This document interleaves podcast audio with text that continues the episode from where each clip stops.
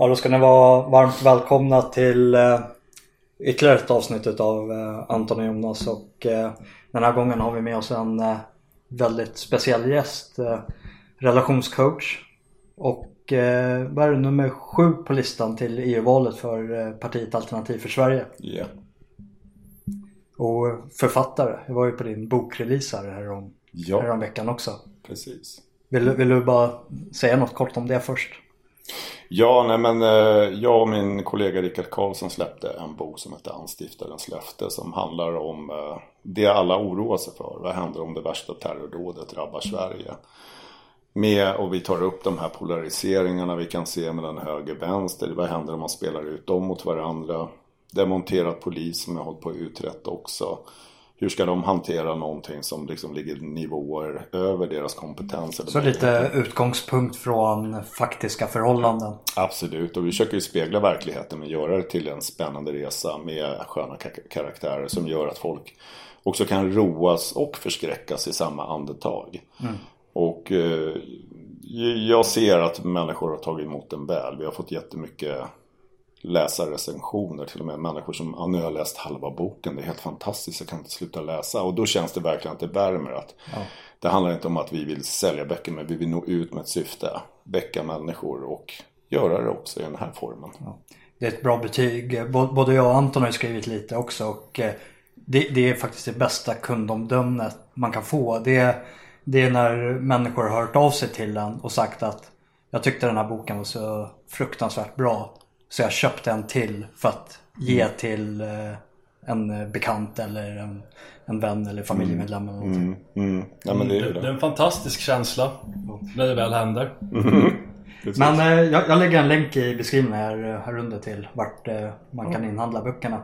Eh, men eh, jag tänkte vi, eh, vi, vi har ju dig i egenskap här som relationscoach Yes. och egenskap som politiker och vi står inför ett stundande EU-val. Så jag tänker, jag, jag låter Anton få välja vilket, vilken sida vi börjar på först.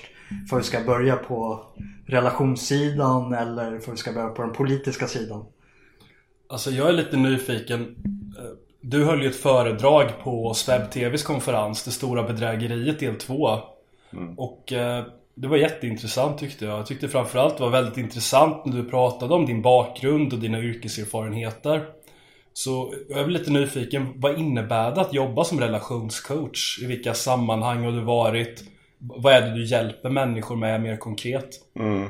Alltså relationscoachningen växte fram först i mig för att jag alltid varit nyfiken på hur människor fungerar. Och jag kommer ju från idrottsvärlden och där har det handlat väldigt mycket om att kunna prestera sitt bästa jag. Men det här med självkänsla behövde jag själv jobba med när jag kom ur den bubblan. Och på vägen när jag började liksom upptäcka att jag hade en ganska dålig självkänsla med ett bra självförtroende. Att lära mig skillnaden mellan det. Så utvecklades också att mitt arbete blev att jag också kände ett brinnande lust att hjälpa andra att göra den resa som jag upptäckte var så fantastisk och magisk. Att helt plötsligt börja titta på världen och relationer med nya ögon. Och Framförallt också, jag gick massor med kurser. Oj oj oj, jag badade i allt. Och jag gick nästan in i väggen för jag höll på med, liksom, idrottsmannen gick in och skulle bli bäst i världen på relationer innan jag insåg att det var tvärtom. Att faktiskt backa tillbaka och bli ganska cool. Eh, så för mig innebar det möjligheten att, att få förstå att när jag började bjuda in människor att eh, coachas, som det heter, att hjälpa dem så var det hela tiden att jag lärde mig lika mycket som jag lärde ut. Och det, det är väl egentligen den stora skillnaden tror jag på människor som lever i sitt ego och inte. Att, att allting är en ständigt pågående utveckling. Så att jag, jag har verkligen tackat människor för att de har hjälpt mig att utvecklas i mina relationer och i mig själv. Tack vare att jag har fått hjälpa dem. Det är ju hela tiden speglingar. Men jag, jag ser ju det här när man arbetar med relationer så är vi människor var vi än är. Och när, där börjar ju rollerna falla bort. Så oavsett om jag har jobbat med ungdomar eller familjer eller par eller individuella. Så när jag lyfte in det här på företag så lärde jag dem att klä av sig själva. Och, och faktiskt att vilka fantastiska saker det blir när vi lär känna varandra på jobbet. Och verkligen jobba med samspelet och våga vara sårbara inför varandra. För vi ägnar ju så mycket tid på jobbet. Mer tid än vad vi gör med våra vänner och kärleksrelationer oftast. Absolut. Ja, just, det. ja, det är lite intressant när du säger att man gör en kategorisering mellan de mellanmänskliga relationerna och kärleksrelationer. Mm. Men när jag hör ordet relationscoach. Jag relaterar det bara till vad, ja, vad du kallade nu för kärleksrelation. Mm. Jag Ja. tänker inte på eh, mitt eh, umgänge med arbetskollegor eller Mm. med familjen och vänner som relationer. Utan det är, Mm. det är någonting som är specifikt mellan mannen och kvinnan i ett par. Mm. Och Det, det är precis samma här. Det var den associationen jag också gjorde. Mm. Jag skulle nog tänka mer på äktenskapsrådgivning eller någonting Mm. i den stilen snarare än någon som försöker lösa konflikter på en arbetsplats eller något Ja. sånt där. Och det är det som gör att vi ofta då segregerar oss själva väldigt mycket. För att vi är ju samma människa oavsett vilka rum vi är i. Sen har vi grundare och djupare relationer självklart. Och det är ju ofta så att vi har lättare att kunna spela en roll med människor som vi bara arbetar ihop med. För att vi, har ju, vi kramas ju inte med chefen. Vi, vi har ingen romanser med våra arbetskamrater. Och där blir vi inte triggade lika mycket heller. Men ju närmare du har en relation desto känsligare blir det inom dig själv. Och det är ofta det människor säger. Men jag har ju så lätt att säga ifrån på jobbet men när jag är hemma vågar jag inte säga någonting för det blir bara konflikter. Och det är också den stora skillnaden. Och jag har ju jobbat alltså, mycket med skådespelare och artister. Och det är ganska intressant att se en människa som spelar en stark roll på TV och sen sitter den i ett slutet rum med mig. Och det är två helt olika människor. Men när de lär sig att våga bli mer sig själva så stärker också rollen. Och det är samma med sångare till exempel. När de vågar börja bottna i sig själva, i sin självkänsla så helt plötsligt så sjunger de på ett annat sätt. Så att det är just det här att var det än är så är vi ju människor. Vi är levande mekanismer som, som föddes nakna. Och eh, roligast är ju i och med att jag coachar poliser i 20 år. Jag har haft hundratals poliser. När de börjar gråta, visa sina känslor och upptäcka nya sidor hos sig själv så blir de mycket mer medmänskliga poliser. Så, så liksom, det, här, det här finns ju på överallt. Mm. Ja, för, för jag vet att eh, när, när vi började preppa lite för det här programmet och när det blev klart att vi skulle få ha det här som gäst och eh, i egenskap som relationscoach också. Då gick ju tankarna till, okej men vad är det för kärleksbekymmer som existerar i liksom vår sfär av det politiska? Vi, och nu, nu kommer vi in på det politiska samtalet ändå. Men det är ju att vi har ju en extrem eh, könsskillnad i, hos människor som är i någon form av politisk opposition. Att, eh, jag vet inte ens fall en på tio i ratio räcker för att beskriva eh, den miljö som vi befinner oss i. Den här konferensen som eh, Anton hänvisade till där du talade. Jag tror att det var, var vi där 200 personer och det var 90% män. Mm. Och- Och det var ändå en, en hög andel kvinnor. Jämfört med hur det brukar vara. Mm, mm. Nej men jag vill bara sticka in att, att jag ser samma sak om jag har, har föreläsningar om kärleksrelationer eller om personlig utveckling. Då är det 90% kvinnor där. Ja. Så det är helt omvänt beroende på om du addar på politik eller samhälle eller du har det mjuka. Och det, det är väl det här, jag menar jag kommer ihåg för några år sedan, jag var på Åland på alla kvinnors dag, hade en jätteföreläsning. Det var tusen kvinnor och en man. ja. Då frågade den här mannen, vad, vad, hur hamnade du här? Min fru tvingade hit mig. Såklart. Det roliga är att hade du frågat en, en kvinna eller en tjej på en sån här politisk konferens skulle hon ju säga att min pojkvän tvingar hit mig, min man tvingar hit mig. Det, det är så roligt för vi spelade in i häromdagen ett eh, avsnitt om eh, Games of Thrones. En analys över den serien. Och eh, vi, vi visste ju att vi skulle göra det och eh, ja, men, jag, jag känner inte till några poddare som pratar om ämnet så jag bara slängde ut en sökning på en av poddservrarna. Och så träffade jag, träffade jag på en podd. Och eh, ja, då är det två kvinnliga värdar och eh, en kille som är tre stycken. Och det, de bara pratar om de mellanmänskliga relationerna i serierna. Så jag, jag, jag klarade inte av att lyssna mer än 10 minuter eller någonting. Medan när vi pratar om Games of Thrones, vi gör ju bara typ maktanalyser och liksom hur, hur ser det politiska spelet ut mellan karaktärerna snarare. Mm, vad har Daenerys Targaryen stöd för klassbas och Ja. liksom sådana saker. inte, så, inte så mycket annat. Ja, Och kär, kärleksrelationen med Jon Snow är, så här, det, det är liksom en liten parentes bara. Mm. Ja, men precis. Ja, men det är spännande för att eh, första frågan jag brukar ställa till alla människor är Vem är du? Det är den svåraste frågan att svara på. För att jag menar, jag ser ju att människor som är rollbesuttna, ofta direktörer, poliser är jätteduktiga på att svara Jag är polis.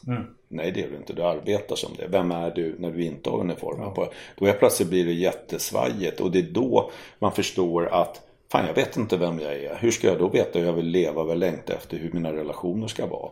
Så att du måste börja definiera dig själv först. Ja. Det- det- sånt, där, ja. sånt där är jättejobbigt verkligen. Mm. Jag har ju suttit på olika, jag jobbar inom bevakningsbranschen. Jag har ju suttit i olika lämplighetssamtal och sånt där för olika tjänster Mm. och sånt där.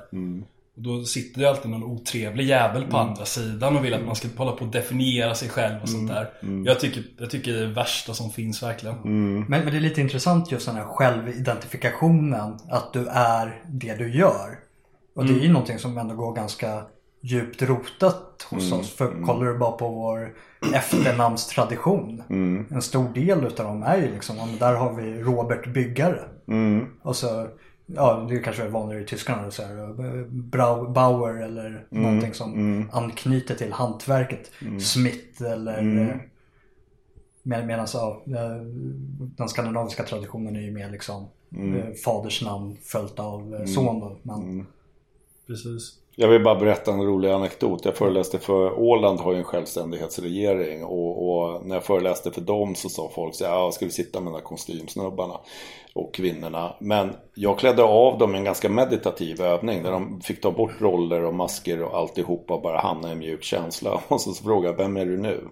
Och vilka svar man får när man klär av folk. Ja. Då var det en man där, en av politikerna, när han skulle säga så han med en sån här vacker Ålands så här, Jag är en solvarm handduk på en klippa vid havet. där hamnade han liksom. och då kan man ju helt plötsligt börja säga, "Va, hur skulle du vilja leva ditt liv nu då? När du har hittat den delen i dig själv. Så det är jättehäftigt just att utmana identiteter. Jag kan tänka ibland alltså, vad ska man svara på de frågorna?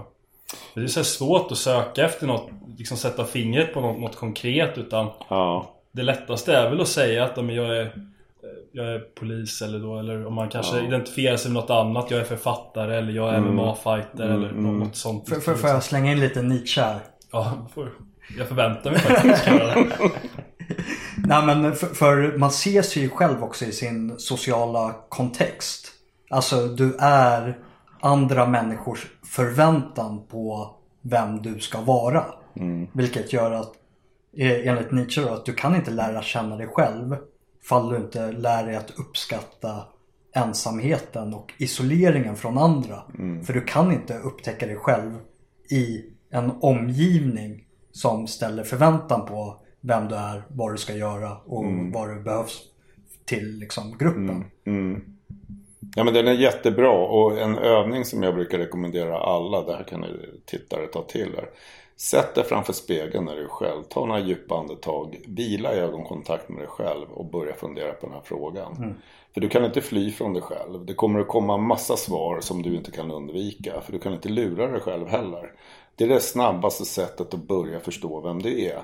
Men, men att ur självkänsla våga börja leta efter dina goda egenskaper som människa. Är du vänlig? Är du hjälpsam? Är du tacksam? Är du respektfull? Och så vidare och så vidare. Att börja jobba med de delarna istället för din roll. För du kan inte. Bästa är nästan om du har duschat, sätt dig naken framför spegeln. För då har du inga, ingenting på det. Ja, nej, men det, är, det är väldigt viktig poäng. Att eh, du kan, trivs du inte i ensamheten så då är det ju, för man ska vara lite elak och kanske dra med en väldigt stor borste, att du trivs inte med dig själv. Att eh, du räds isoleringen för att du räds vem du är. Att ta reda på vem du är. Och det är ju det som är faran, att om du är rädd för ensamheten så letar du efter saker och människor för att fylla ut den där ensamheten och det går ju inte. För att jag menar, du kan inte plocka in energin från andra och fylla den med eller äta pengar och tro att du liksom mättar det här. Utan det här är ju bara kortvariga kickar vi får. Så det viktiga är ju någonstans att våga vara i ensamhet och börja tycka om ensamheten. För då kommer du också känna att det blir synergi i relationer. Två människor som gillar sig själva och sin ensamhet kommer att bli fantastiska tillsammans. Och det, det är frågan om det var lättare förr i tiden när man inte hade den här extremt snabba stimulin över sitt sociala kontaktnätverk via ja, de sociala medieplattformarna. Ja. Att det är alltid någon man kan checka in med och kolla av vad som händer och någon som checkar in på en själv. Men sen är den stora faran också att många kan isolera sig som blivit svikna. Att de väljer ensamheten för att de vågar inte vara med andra människor. Så att det är en balansgång att tycka om sig själv i en ensamhet men också lära sig att tycka om sig själv i sociala relationer. Och det där kräver ett arbete. Allt kan ju bli eskapism på något sätt. Mm. Antingen det ena eller det andra beroende på vad, man, vad, vad man vill komma bort från. Mm. Vad man har sin bekvämlighetszon. Ja, det blir en form av polariseringar. Liksom. Så. Ja. Mm. Ja, du, du hade förberett någon rela, relationsfråga. Eh, nej, det har jag inte. Du hade inte gjort det? Nej, det har jag inte. Nej. Men jag, jag, jag är faktiskt mer nyfiken på hur du som med din bakgrund kom till AFS. Ja, Ifall inte du Jonas vill ha relationsrådgivning innan vi går vidare till det Ja, alltså, grejen var ju den att eh, vi hade ju pratat om så här kärleksbekymmer. Mm. Men nu, har vi liksom att relationsbiten, vi, fick, vi, vi blev ju upplysta, vi blev ju rödpillrade på re- relationsfrågan. Att det, det handlar inte bara om sex och samlevnad med det motsatta könet. Så nu känns det dumt att ta upp den. Ja men egentligen så kan man ju ändå välja att spinna vidare på det för att jag menar, vi, vi längtar ju efter och innerst inne tror jag vi vet vad vi skulle trivas med i en relation. Om vi pratar om kärleksrelation. Men då måste vi också börja bli medvetna om våra egna behov och, eh, och framförallt det här att det får aldrig bli egoistiskt. Att om man, man tar sina personliga egenskaper, det vill säga ja, men i en kärleksrelation vill jag att det ska vara ärligt, det ska vara öppet, det ska vara tillåtande. Och man hittar en massa, då måste man ju först kolla av att det här är jag bra på.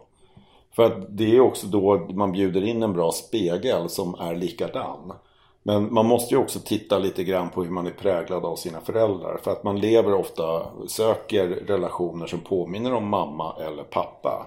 Och det är inte så jävla bra. Utan det är bra att liksom kanske titta på vad är det jag inte vill ha. Det vill säga de dåliga egenskaperna hos sina föräldrar. Sortera ut vad som var bra och vad har fastnat i mig. Jag liksom, har jag samma taskiga beteende i vissa fall som mina föräldrar.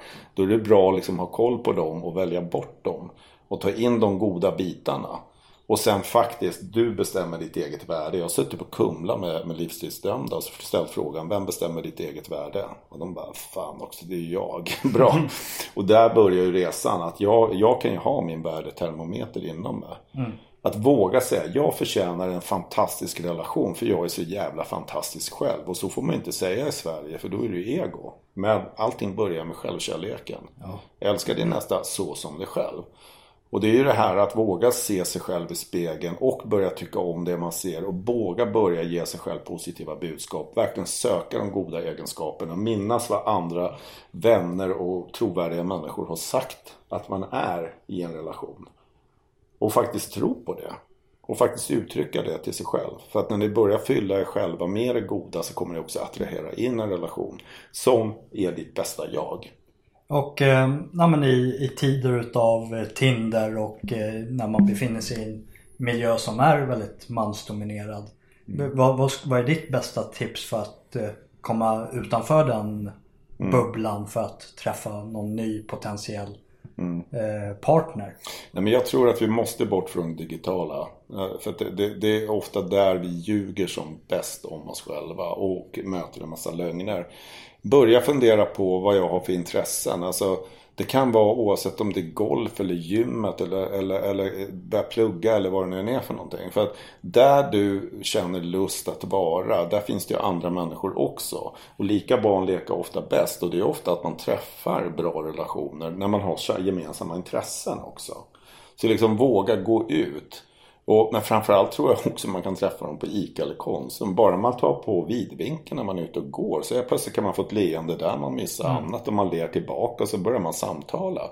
Alltså det är ju det här att vi går ofta i den här trånga bubblan eller ner i mobiltelefonen även när man är ute på stan. Va? Lyft blicken, höj blicken och faktiskt börja möta människor för du vet inte vad som kan fastna på din radar. Och, och våga ta kontakt då? Ja, och det är så häftigt med ett leende för det är så lite leenden.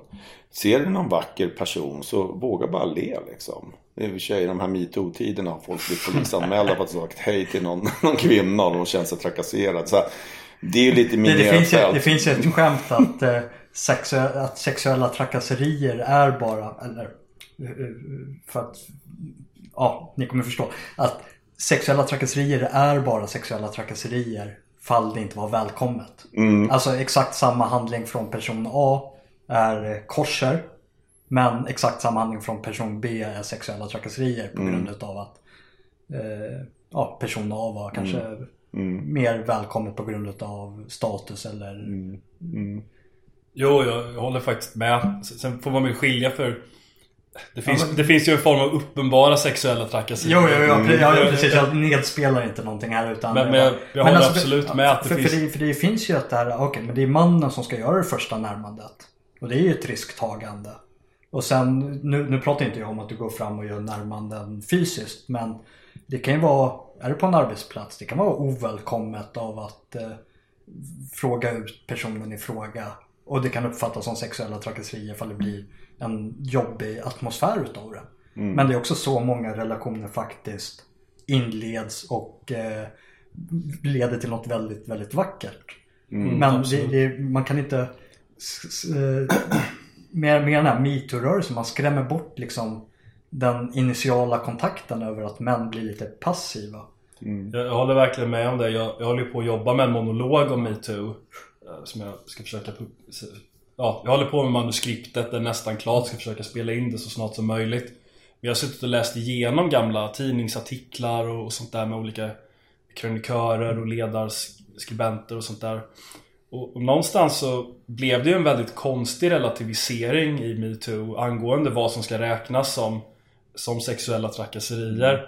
Och, och det lustiga är att någonstans så landade det ju i att det du precis beskrev att ja, men Säg att det kan vara ett sammanhang, en arbetsplats eller någonting. Och så är det en man som är intresserad av en kvinna. Och så ja, gör han något form av närmande och då menar jag inte ta henne på rumpan eller något sånt där utan Kanske börja prata eller vara lite flöttig eller frågar om de ska gå ut och ta en drink eller någonting. Och sen är hon inte intresserad. Mm. Ja, då är det väl inget mer med det. Då är det ju bara att avbryta operationen och, och gå vidare till nästa. Men i det sammanhanget, metoo-sammanhanget, så räknas ju den här, det här, den här ovälkomna flötten nästan som någon form av trakasserier.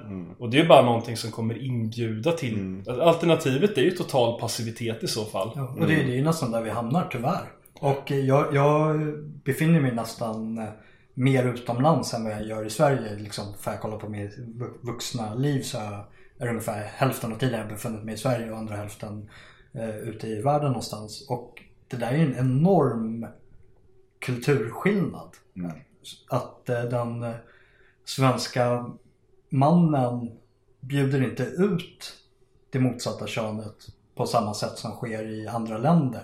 Där är det liksom Vill du träffa någon, då måste du fråga ut någon. Mm, Och i, i Sverige funkar det liksom, det funkar annorlunda. mm, mm. Ja, men det stämmer, det stämmer. Och svenska mannen har ju blivit väldigt hämmad. Eh, och just i de här metoo. Jag pratade med en man igår. Han sa, kan vi inte ha en he-too-rörelse? Ja. För han upplevde att han, vi, vi började prata om det här hur ofta vi kanske hade blivit sexuellt trakasserade av kvinnor. Och det är väldigt, väldigt ofta. Men, men vi har inte sprungit och anmält det. Vi har ju mer kanske vi som män när vi blir bekräftade av en kvinna tycker, tar det som en uppskattning. Men det har blivit någon hämning i motsatt att om vi visar uppskattning till en kvinna så blir hon kränkt. Ja. Och där har vi liksom fallit ner i en fälla som jag tycker är ganska farlig när vi ändå ska prata om jämställdhet. Och det, är just det också för kvinnor uppskattar ju när det väl är rätt man som kommer. Att han tar initiativ och bjuder ut henne. Ja, Och det, det blir ju sånt motsatsförhållande där som ja, de, de, de tränger in sig i ett hörn. Ja, jag Förbjuder det de vill ha. Ja, ja precis. Och Jag tycker att kvinnor generellt kanske skulle ta och lyfta sig lite och, och se det att, att det är väl positivt om en man visar uppskattning. Sen har man, kan man ju bara modigt säga ja eller nej till den inbjudan istället för att göra en polisanmälan. Ja, Det känns ju lite som att det har gått åt fel håll. ja verkligen. Ja, det ska bli väldigt intressant att lyssna på den här monologen sen när du är klar med den. Mm, Ja. Du skulle ju ha läst igenom Ja, manuskriptet. det, det, det har jag faktiskt gjort. Och den, den är bra. Jag förstår varför han inte den har spelat in den. Utan tänkte jag bara spela spelet framför kameran. Ja, det är bra. Nej, vi får se. Vi får vänta spänt ett tag till. Ja. Ja, ska vi gå vidare in på det politiska eller har du någonting du vill ta upp mer i relationsaspekten? Nej men våga bli sig själv och, och verkligen våga definiera vad du vill ha. Men också vara viktigt att man vågar vara aktiv i en relation. För det, jag ser det alltid som två poler i ett batteri. Att båda måste vara aktiva för att det ska bli energi i det. Och allting börjar och slutar med dig själv. Och framförallt våga utmana. Alltså bli den du själv vill bli, se, bli, eller se i världen är ju liksom det här klassiska ordspråket. Men, men, man måste liksom kunna byta skor med andra. Att det här jag säger och gör nu skulle jag uppskatta det om det, jag, jag var mottagare. Eh, att, att, självinsikt. Det är mm. liksom där allting börjar i alla relationer. Ta med er det och eh, skippa passiviteten och bjud ut en kvinna. Yeah. Eller en man. Eller en man. Jag tror det är samma här. Man ser ju ganska bra på statistiken och eh, vår genomsnittstittare är mellan 30 och 50 och man. Mm. Är det så pass gammalt ändå? Ja, det är det spannet. Ja, bra. Vi riktar oss till en, en mogen publik. Ja, ingen, mm. ingen ungdomsshow. ja, inleder du det politiska förfarandet som i egenskap av master i statsvetenskap? Jag, jag är nyfiken på hur du landade hos AFS till att börja med. Eh, för mig veteligen så har du till skillnad från många andra som har landat hos AFS inte en bakgrund inom Sverigedemokraterna. Mm. Nej men det stämmer och egentligen jag har ju aldrig sett mig själv som politisk men jag, jag själv när jag blev lite drevad i samband med en TV4-program som jag medverkade i så, så insåg jag att, att, att det här läget är ju ganska sjukt. Eh, och det behövs mer in, frisk luft och, och sådär. Och jag har ju jobbat inne i riksdagshuset och gjort en del uppdrag åt inte bara faktiskt åt SD om polisens demontering. Men också har jag gjort åt andra politiska partier, coachat dem och sådär. Eh, så att jag, jag har ju varit i alla läger men jag har ju också sett att man har glömt bort att prata om vad som är viktigt. Utan det är mer pajkastning och det kan ju alla se i en partiledardebatt och jag tycker det är värre än någonsin just nu. Eh, men när jag blev uppvaktad av Gustav Kasselstrand så var det först såhär, nej jag är ingen politiker. Och då sa han faktiskt någonting som öppnade dörren. Han sa det, ja men vi vill inte ha politiker, vi vill vara vanliga människor. Okej, okay, vi kan väl träffas. För jag bedömer inte människor utifrån etiketter som många andra gör. Utan jag sa det, men jag vill träffas. Eh, och när jag träffade Gustav och jag träffade de andra så märkte jag att det var varma medvetna människor som ville någonting och som inte hade syfte av att ha makt. Vilket jag har märkt i och med att jag träffat andra politiker att det, det har mer varit en frånvaro än en närvaro. Men en extrem närvaro. Och jag kände bara att det här är en bra energi att vara i. För man vill ha in sunt förnuft och det saknas eh, friska fläktar. Jag har aldrig etiketterat människor. Så när jag liksom läst på om Gustav och andra så är det hela tiden före detta SD-are och utsparkade där och ditten och datten. Men jag, jag gör inte det utan jag vill träffa människor, vilket fler borde göra istället för att sätta etiketter. Och i det så bara växte det att när, när jag insåg att syftet är att få in vanliga människor in i politiken, bryta den här segregationen mellan politiker och folket, alltså börja återupprätta en verklig demokrati. Det var ju bara en massa bra saker. Och när jag sen parallellt kunde se att media sitter och pekar att det är högerextremt att ha en god vilja. Då blev jag bara så här, men det här är ju så sjukt. Och jag har en sån här obstinat finsk sida i mig. Mm. Att om folk verkligen hatar där, ja, då positionerar de mig på andra sidan. För att visa, visa på att det där är ingenting jag vill vara med om. Och jag menar, det bor inget hat i AFS. Nej. Verkligen inte. Jag har inte upptäckt det. För nu har jag ändå varit så eh, över ett år i det. Träffat alla, varit ute på turnéer. Och det enda hat jag upptäckt är från vänstern. Det är bara ett påhittat hat som, som, som inte stämmer. Och det är det här jag också ser vi måste liksom jobba för. Att börja lära känna varandra innan vi dömer. För att samma människor som hatar skulle hata själva att bli hatade. Och det är ju det att, att vi säger ju hela tiden, vilket jag tycker liksom är grundenergin inom AFS. Vi vill ha debatt, en dialog med alla. Men jag ser ju att det är inte vi som stänger ute, det är andra som stänger ute. Och att det på något vis har blivit upp och ner och vi behöver vända det här rätt. Och det behövs någonting nytt och fräscht i tänket. Och därför tycker jag faktiskt att AFS, även om det finns en massa etiketteringar här bortifrån, så vet jag att det finns ingen nazism eller rasism eller någonting annat. Utan det handlar om en vilja att lösa de faktiskt väldigt stora problem vi har i det här landet. När, när du gick och blev en publik företrädare för AFS som är med, var med på deras riksdagslista och nu är mm. med på EU-listan. Har du fått någon social backlash på det? Har du kommit med någon social kostnad som du har märkt av? Ingenting i princip. Uh, för att jag, jag tror ju ändå att Innerst inne vet människor vem jag är, de jag har i min sociala gemenskap. Jag kan ju märka att vissa kanske har backat tillbaka lite men inte sagt upp kontakten. Eh, jag har en enda människa faktiskt, en, en gammal coachelev som, som är av invandrarbakgrund. Och jag, mm. jag, alltså för mig, jag tittar inte på hudfärger och annat. Eh, som helt plötsligt fick någon idé från vänster att oj, är du med där, då är du ond och då, då har du egentligen hatat mig under hela utbildningen. Jag bara, what? Var fick du den mm. ifrån?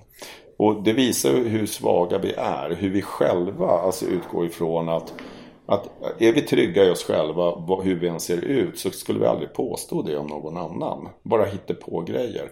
Och allting är ju projektioner när vi kommer ut med saker. Det vill säga, det här är min självbild jag försöker mm. klistra på dig nu. Du tycker jag är ful. Nej, det är förmodligen du själv som hatar att se den du är. Mm. Men, men då får man ju släppa sådana människor och inse att förr eller senare kommer de att vakna. Ja. Alltså det roliga är att jag har ju känt Gustav och hela gänget under flera års tid mm. Och det förvånar mig inte att de sa det att vi vill inte ha några politiker utan vi vill ha vanliga människor liksom. Mm. Och det, det, är någonting jag uppskattar med AFS som, som AFS har som SD verkligen inte har. Mm. Och det är ju en, en, populism i ordets bästa bemärkelse. Mm, det är att man tror inte på Man tror inte på politiker i grunden utan man tror på mm. samhället och människor ja. ute i samhället. Ja. Och man, man vänder sig emot den här liksom, svenska politikertypen som börjar i något ungdomsförbund och tar, tar ut en SSU-examen som det heter i Socialdemokraterna. Det vill säga att man har gjort sin utbildning inom mm. ungdomsförbundet.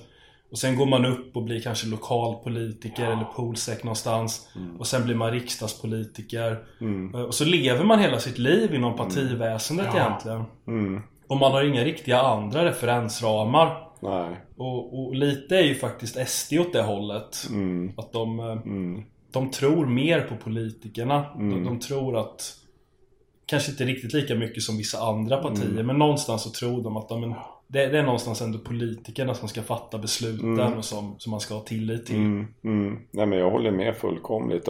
Jag, jag tror att, liksom att, att gradvis så har ju det här demokrati som blir folkstyre och politikerna ska vara våra tjänare. Jag brukar tjata om det ganska ofta just för att göra folk medvetna om att vi har vi har ju liksom distanserats från varandra, eller politikerna har distanserats. Förr i tiden var det byäldste som satt mitt i flocken och hade längst erfarenhet och kände alla som kunde fatta ganska kloka beslut ur sin erfarenhet. Men det har vi tappat bort helt nu. Så att jag, jag vill ju tillbaka till att, att jag, jag vill hellre lyssna på en kompetent polischef eller polis som blir polischef eller kompetent bilmek som vet hur bilar funkar. Och det är ju samma med politiker. Jag, jag, jag vill inte ha en försvarsminister som aldrig har gjort lumpen till exempel. Jag vill ha någon som har liksom grävt i dyn, varit med om det svåra och vet vad smärta är. Och förstår då hur människor har det där ute och faktiskt är ute och, jag menar, jag har så här sjuka förslag. En politiker ska bo i förorten minst ett år innan den får liksom bli politiker. Eller man ska fan ner på marken en, eh, en vecka per månad och jobba på ICA. Ja men på, de, de måste påverkas av det politiska beslutet själva. Mm, självklort. Vi har ju pratat jättemycket om våran husgud i den här podden är ju Nicolas Nassim Taleb. Som är filosof, riskexpert med mera. Han brukar prata om det här med skin in the game. Mm. Att om, om du tar en risk så, så är det ju du som ska drabbas av mm. den. Du ska inte lägga ut konsekvenserna för dina mm. felaktiga och dåliga beslut på andra människor. Mm. Samtidigt som du tar vinsterna själv. Ja, det blir ja. en så totalt skev resursfördelning av, av det mm. som händer. Ja, ja, ja, ja, Och framförallt någonting annat också. Det är ju det viktiga med boots on the mm. ground. Ja. Alltså någon typ av praktisk erfarenhet mm. av, av, den verksamhet som du är satt att leda. Mm. Och det blir, man kan ju förstå att det är jättesvårt för mm. politikerna som inte har några andra referensramar än just mm. politik. Och, och sköta myndigheter och mm. polisväsende och försvar och mm. energifrågor och annat. De totalt saknar expertis. Ja, ja, ja, absolut. Och Einstein sa det, erfarenhet är kunskap, resten bara information. Och vi vet ju alla att det, det vi är bäst på är där vi har grävt, alltså där vi har varit. Men, men eh, jag bara tänker på Annie Lööf som symbolbild, liksom så här, bekämpa högerpopulismen i henne. Okej, okay, eh, vad har du själv gjort? Du har velat ha en amnestilagen för afghaner, gymnasielagen för afghaner. Men hur många afghaner bor hemma hos dig? Mm. Har du någonsin träffat en afghan överhuvudtaget? Ser du inte vad jag ser, det vill säga hur hög kriminaliteten är och hur hög våldtäktsstatistiken är bland de här grupperna. Och jag kan samtidigt gå tillbaka och förstå varför det är så. Alltså, när de är spädbarn så sövs de med opium. Man blåser opiumrök på dem i norra Afghanistan. Det, man blir narkoman från födseln. Men, men, att man överhuvudtaget inte tar reda på och, och liksom, vad är det vi har att hantera och hur ska vi hantera och jag går före och jag ser till att, att test, provtrycka det här ordentligt innan jag lägger i knät på andra. Det liksom existerar inte. Nej, inte det minsta. Jag vet av egen erfarenhet att just de här afghanerna har ställt till jättemycket problem mm. för många människor. Oh ja, absolut. Som måste hantera de här. Ja. Både människor som upplever otryggheten och mm. olika typer av folk inom, inom bevakning, polisväsende, mm. välfärdstjänster. Mm. Som måste hantera de här människorna på en praktisk nivå. Ja. Försöka liksom ja, men, hålla, hålla lugnet på mm. något sätt med dem. Mm, mm. Alltså vi, vi brukar ju prata mycket om så här, i västerländsk rättstradition så är det ju förövaren som är en kriminelle. Men jag tycker det blir så otroligt solklart i det här fallet att det är också den som har möjliggjort för kriminella att det här överhuvudtaget är ett problem. Och det är ju våra politiker som måste hållas ansvariga för den situationen. Mm. Som de själva har uppbådat. Mm. Ja, men, precis, och inom polisen så har man ju hela tiden det här begreppet anstiftan. Mm. Och jag tycker att många politiker har ju liksom det, det, det här kriminella anstiftan till brott. Genom att man har bjudit in det, man har skapat besluten. För jag kan ju se hela vägen att om jag själv vore afghansk gosse får en signal av att åk till Sverige, där är det paradis, du får vad du vill, du har bara rättigheter och inga skyldigheter. Och du blir uppbackad i det. Klart jag skulle åka dit. Så att det här är ju, och det är det jag tycker vi måste börja titta på. Vad ligger det egentliga problemet, och orsaken till det? Usel politik, gränslös politik och det är de här som behöver så att säga ställas till rätta. Eller till svars för de brott som sker i deras beslut. Och det är ju en politik vi vill lägga, vi i liksom väldigt bred bemärkelse, som Sverige vill lägga på export till andra mm. europeiska länder via EU. Mm. Och det är ganska bred konsensus bland de etablerade partierna. Mm. Där till exempel Kristdemokraterna som kan betraktas som ett EU-kritiskt parti i svenska mått mätt. Men som ändå säger att EU som institution ska utöva påtryckningar mot de nationerna som inte tar in invandrare. Mm. Alltså Polen och Ungern. Ja absolut och sen kan man ju adda på Malin Björk då, vänsterpartisten som häromdagen tyckte att eh, invandringen till Tyskland och Sverige är en framgångssaga. Ja det är så bisarrt så man tror knappt mm. att det är sant. Ja, nej, men, men det, det är ju uppenbart att här har vi en person som inte har fått bära kostnader utav sina egna beslut. Utan bara frukterna utav det. Ja absolut, ja, absolut, absolut. Hon har ju 3000 om dagen i traktamente fast hon är skriven i Bryssel och köper tydligen så 3D-klitoris för pengarna. Så att det, det liksom bara blir ja. så här, what? Ska vi prata lite om EU-valet? EU i allmänhet, för AFS är ju det enda parti, mig veterligen, som faktiskt vill gå ur EU. Mm. SD har ju backat på den här punkten. Ja, och det är Reformeringspartiet. Eller de har... De har det, det, jag skäms ju nästan för att säga det men jag lyssnade på en, en podd på, som fanns på Spotify Med två SDU-tjejer Den heter Kvinnohat Och då Den var lite rolig faktiskt för en var ju ett sånt där uppenbart partijon som bara liksom Följer partiprogrammet ja. rakt av och den andra var lite mer fritänkande mm. Och en av dem sa, de som var lite mer följsam att de, de har inte ändrat någonting utan bara förtydligat sin position. Och det är ju så här klassiskt politikerspråk för att säga mm. att man har gjort en jätteomsvängning mm. men man har inte gjort det egentligen utan man har bara varit otydlig innan. Mm. mm. Och eh, ja, nu, nu jobbar de tillsammans med alla de andra partierna på en retorik som går ut på att vi ska förändra EU inifrån. Mm. Vilket, vilket inte går. Nej, det går Det är bara så, så dumt. Alltså, alla som kan någonting om EU, hur EU är uppbyggt och hur det fungerar och sånt där alltså, Tanken är ju inte att eh, de, de, olika politiska partierna som har representation där ska förändra någonting från insidan. Mm, det är inte mm. så EU fungerar. Nej. Nej, verkligen inte. Verkligen inte. Och jag tänker bara på det liksom att, att EU från början var ju att, att, att samarbeta med handel och med fred. Mm. Och ser vi ett resultat idag så ser vi det ju liksom finns ju inget samarbete i det. Man har tagit ifrån länderna självbestämmandet och det och som jag hela tiden som relationscoach då mm. tänker vad händer om någon helt plötsligt tar bort mitt personliga självbestämmande. Ja, Mina det är en slav och tyrannrelation då. Absolut va. Och det är ju ingen skillnad på det lilla och det stora. Om jag är en nation och alla andra ska bestämma över mitt liv så kommer jag revoltera mot det förr eller senare. Eller må jävligt dåligt eller ta livet av mig. Ja. Och det är ju det som jag ser händer. Att vi, vi måste ju ha ett individuellt självbestämmande. Och sen att vi har ett samarbete och vi kan mötas där vi är överens. Men i övrigt så har vi ju ingen rätt att liksom kliva in på den personliga integriteten för varje nation. Och det är det som jag ser som det stora problemet. Mm, absolut. Jag kommer att tänka på en bok som jag läste flera år sedan som var jättebra som heter Playing the Market av en person som heter Nikolas Jabko som är statsvetare. Och den, den går i princip ut på att EUs mål har alltid varit europeisk integration. Det vill säga att så mycket som möjligt ska centraliseras under mm. EU-byråkratin och, och, harmoniseras. Det är det mm. man kallar integration. Och, men det kan man ju inte säga rakt av för det hade ju folk vänt sig emot. Mm. Däremot så tycker ju alla om marknader och frihandel och sånt där. Mm. Och det är därför man alltid har kört den retoriken att det handlar om att skapa marknader. Som, och sådär. Det, det, är någonting alla kan gå med på. Mm. Och sen har man i princip använt det som en täckmantel då för att främja det verkliga målet vilket har varit europeisk integration och centralisering. Mm. Och det, det, är någonstans kärnan i hur EU fungerar. Mm. Och det är liksom den tonvikten det finns i maktbalansen inom EU. Mm. Och någonting som jag, som jag inte uppskattar som gör att det kanske blir svårt att gilla politiker. Det är ju när folk ljuger om saker. När de är oärliga. Det är ju som KD till exempel. Mm de, de har ju någon jättelöjlig kampanj nu med Sara Skyttedal där det står Make EU lagom again. Mm. Vilket dels är otroligt töntigt, mm. dels falskt för det anspelar på att EU har varit lagom. Mm. Vilket ju aldrig riktigt har varit. EU har alltid varit på väg i den här riktningen. Mm. Även om det inte alltid har varit lika långt framåtskridet så är det alltid den här liksom, det är alltid den här resan som EU har varit på. Mm.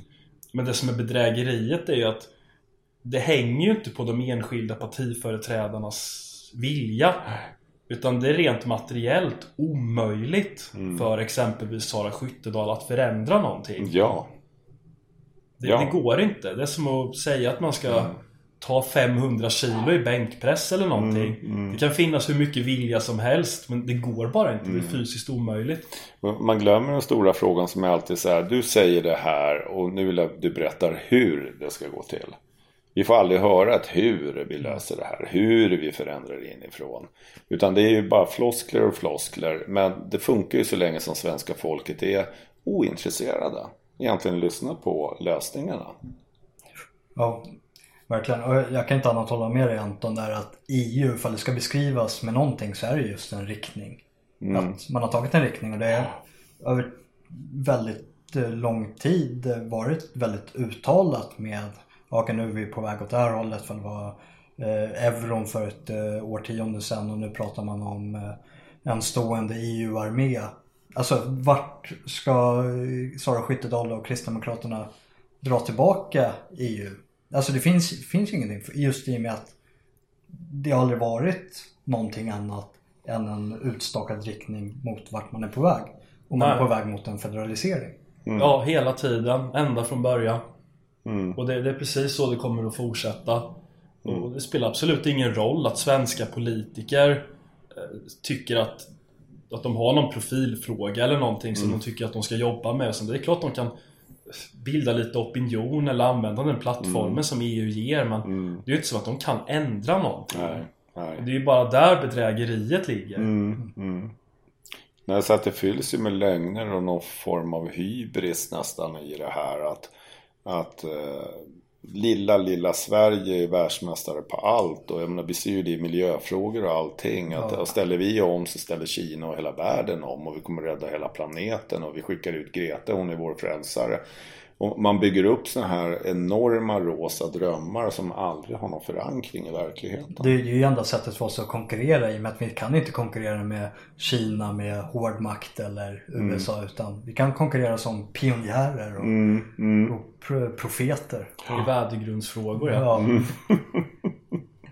ja. är det någonting som värdegrundsfrågorna egentligen hör hemma så är det ju liksom på inom eh, Försvarsmaktens offensiva grenar. Alltså att det, det är ingenting man man skjuter inte sig själv. Alltså det, vi ägnar oss åt friendly fire när vi egentligen mm. borde skicka våra genuscertifierade officerare till, till fronten mot en fientligt inställd mm. nation. Mm. Mm, helt rätt. Ja, subversiv verksamhet. Precis. Ja, nej men eh, vill du ta en avslutande tagning på varför man ska gå och rösta här på AFS nu på söndag? Nej men jag, jag brukar försöka hävda det att till skillnad från ett riksdagsval nu så finns det ju en möjlighet att välja ett syfte. In eller ut, stanna kvar eller gå ur. Och jag, jag, jag är otroligt inne på efter att ha liksom sett och följt utvecklingen inom EU och nationellt och internationellt under många år. att det blir inte bättre än så här. Det blir bara värre. Och sen tycker jag att det finns ett folkförakt. Jag hörde ju Jeff Ahl tog ju upp någon, någon tung politiker inom EU som kallade engelska folket för pöbel för att de valde en Brexit. Och det här är ju ett, ett folkförakt. Man har ett, visar ett öppet förakt för folk och för nationer.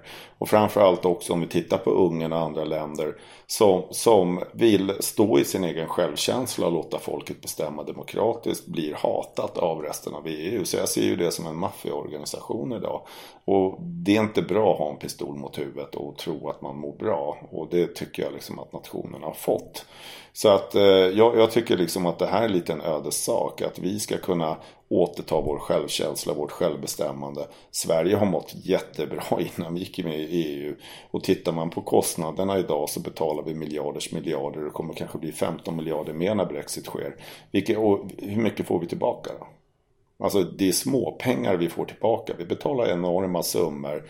Och sen sitter det feta politiker med enorma traktamenten och löner och egentligen hånar oss. Och jag tycker liksom vi behöver återupprätta vår, ta tillbaka makten helt enkelt. Och det handlar inte om att på något vis eh, göra någonting ont utan alltså vårda oss själva och samtidigt visa vägen. Där skulle kunna bli förebilder att visa att vi vill ha ett nationellt bestämmande men vi vill ha ett bra samarbete med våra grannar.